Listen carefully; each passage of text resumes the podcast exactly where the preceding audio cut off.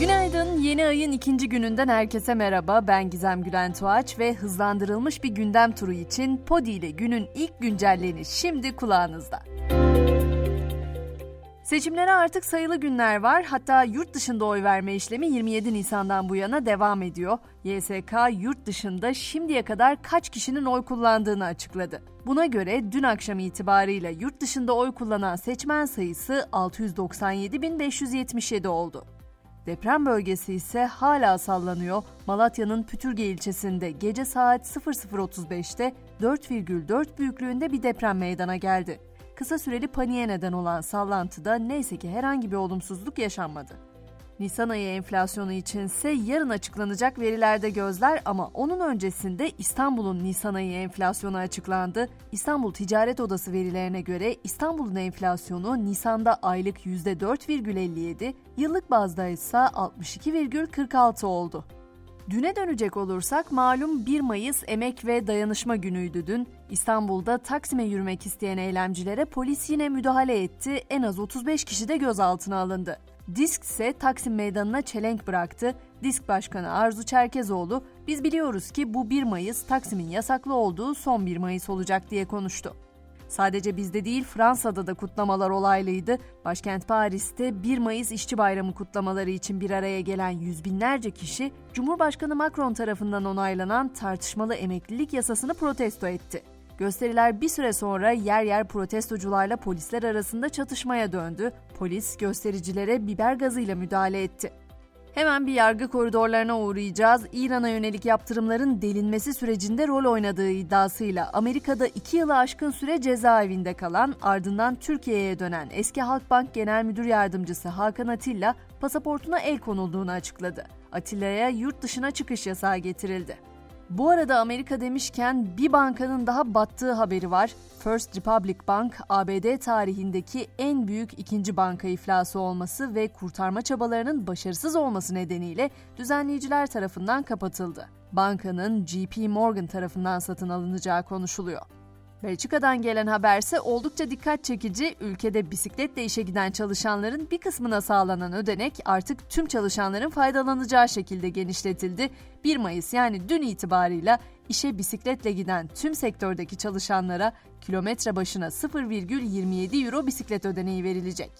Hemen teknoloji dünyasına da bir göz atalım. Yakın zamanda podcast özelliğini kullanıma sunan YouTube Müzik, uyku zamanlayıcı yeniliğini duyurdu. Uzun zamandır beklenen uyku zamanlayıcısı özelliğiyle uyumadan önce açılan müzikler seçilen süre sonunda otomatik olarak duracak. Özelliğin şimdilik sadece Amerika'da kullanılabildiğini de belirtmek isterim. Tabi özellikle akıllı telefonlarla birlikte ekrana baktığımız sürede aldı başını gitti ve artık ekrana bakarak harcadığımız o zamanın boyutu endişe verici. Yapılan yeni bir araştırmaya göre dünya genelindeki kullanıcılar günde ortalama 6 saat 37 dakika ekran başında kalıyor. Bu günümüzün %35 ila 40'ından fazlasını ekrana bakarak geçirdiğimiz anlamına geliyor. Veriler ülkelere göre incelendiğinde ise Güney Afrika ülkeleri günlerinin %58,2'sini ekran başında geçirerek listenin başında yer alıyor. En düşük kullanıma sahip ülke olan Japonya ise uyanık oldukları saatin sadece %21,7'sinde ekrana bakıyor. Bu arada Japonya'nın bir ilke imza attığı haberi de aktarayım. Kürtaş hapına onay çıktığı ülkede Japonya Sağlık Bakanlığı 9 haftaya kadar olan gebelikleri sonlandırmak için iki aşamalı ilaçlı tedaviye yeşil ışık yaktı. İngiltere merkezli bir firma tarafından yapılan ilaç onay aşamasını tamamladı. Az önce ekrana bakmaktan söz ettim ama siz ben ekranla değil daha çok kitaplarla zaman geçiriyorum diyorsanız işte bu haberde sizin için Edebiyat Dergisi Notos en önemli 40 polisiye romanı seçti. 319 kişinin görüşüne başvurularak hazırlanan listenin ilk sırasında Umberto Eco'nun Gül'ün Adı romanı yer alırken listeye Türkiye'den de iki roman girdi. Orhan Pamuk'un 1998'de yayımlanan Benim Adım Kırmızı romanı listeye 20. sıradan girerken Ahmet Ümit'in 1996'da yayımlanan Sis ve Gecesi ise 35. sırada yer aldı sanat dünyasını karıştıran duvara koli bandıyla yapıştırılmış bir muz vardı. Mutlaka hatırlayacaksınız. İşte sanatçı Maruzio Cattela'nın sergisinin bir parçası olan o muzu Güney Koreli bir öğrenci aç olduğunu söyleyerek yedi. Öğrenci daha sonra muzun kabuğunu tekrar bantlayarak duvara yapıştırdı. 62 yaşındaki sanatçının öğrenciden tazminat istemeyeceği belirtilirken sergilenen muzun her 2-3 günde bir değiştirildiği belirtildi. Artık spor diyelim Süper Lig'de 32. hafta geride kalırken özellikle zirvede kartlar yeniden dağıtılmaya başlandı. Beşiktaş derbide Galatasaray'ı 3-1 yenince Galatasaray'la puan farkını 5'e indirdi. Üst üste iki haftadır puan kaybeden Sarı Kırmızılılar Fenerbahçe'nin de kazandığı haftada şampiyonluk yolunda yara aldı.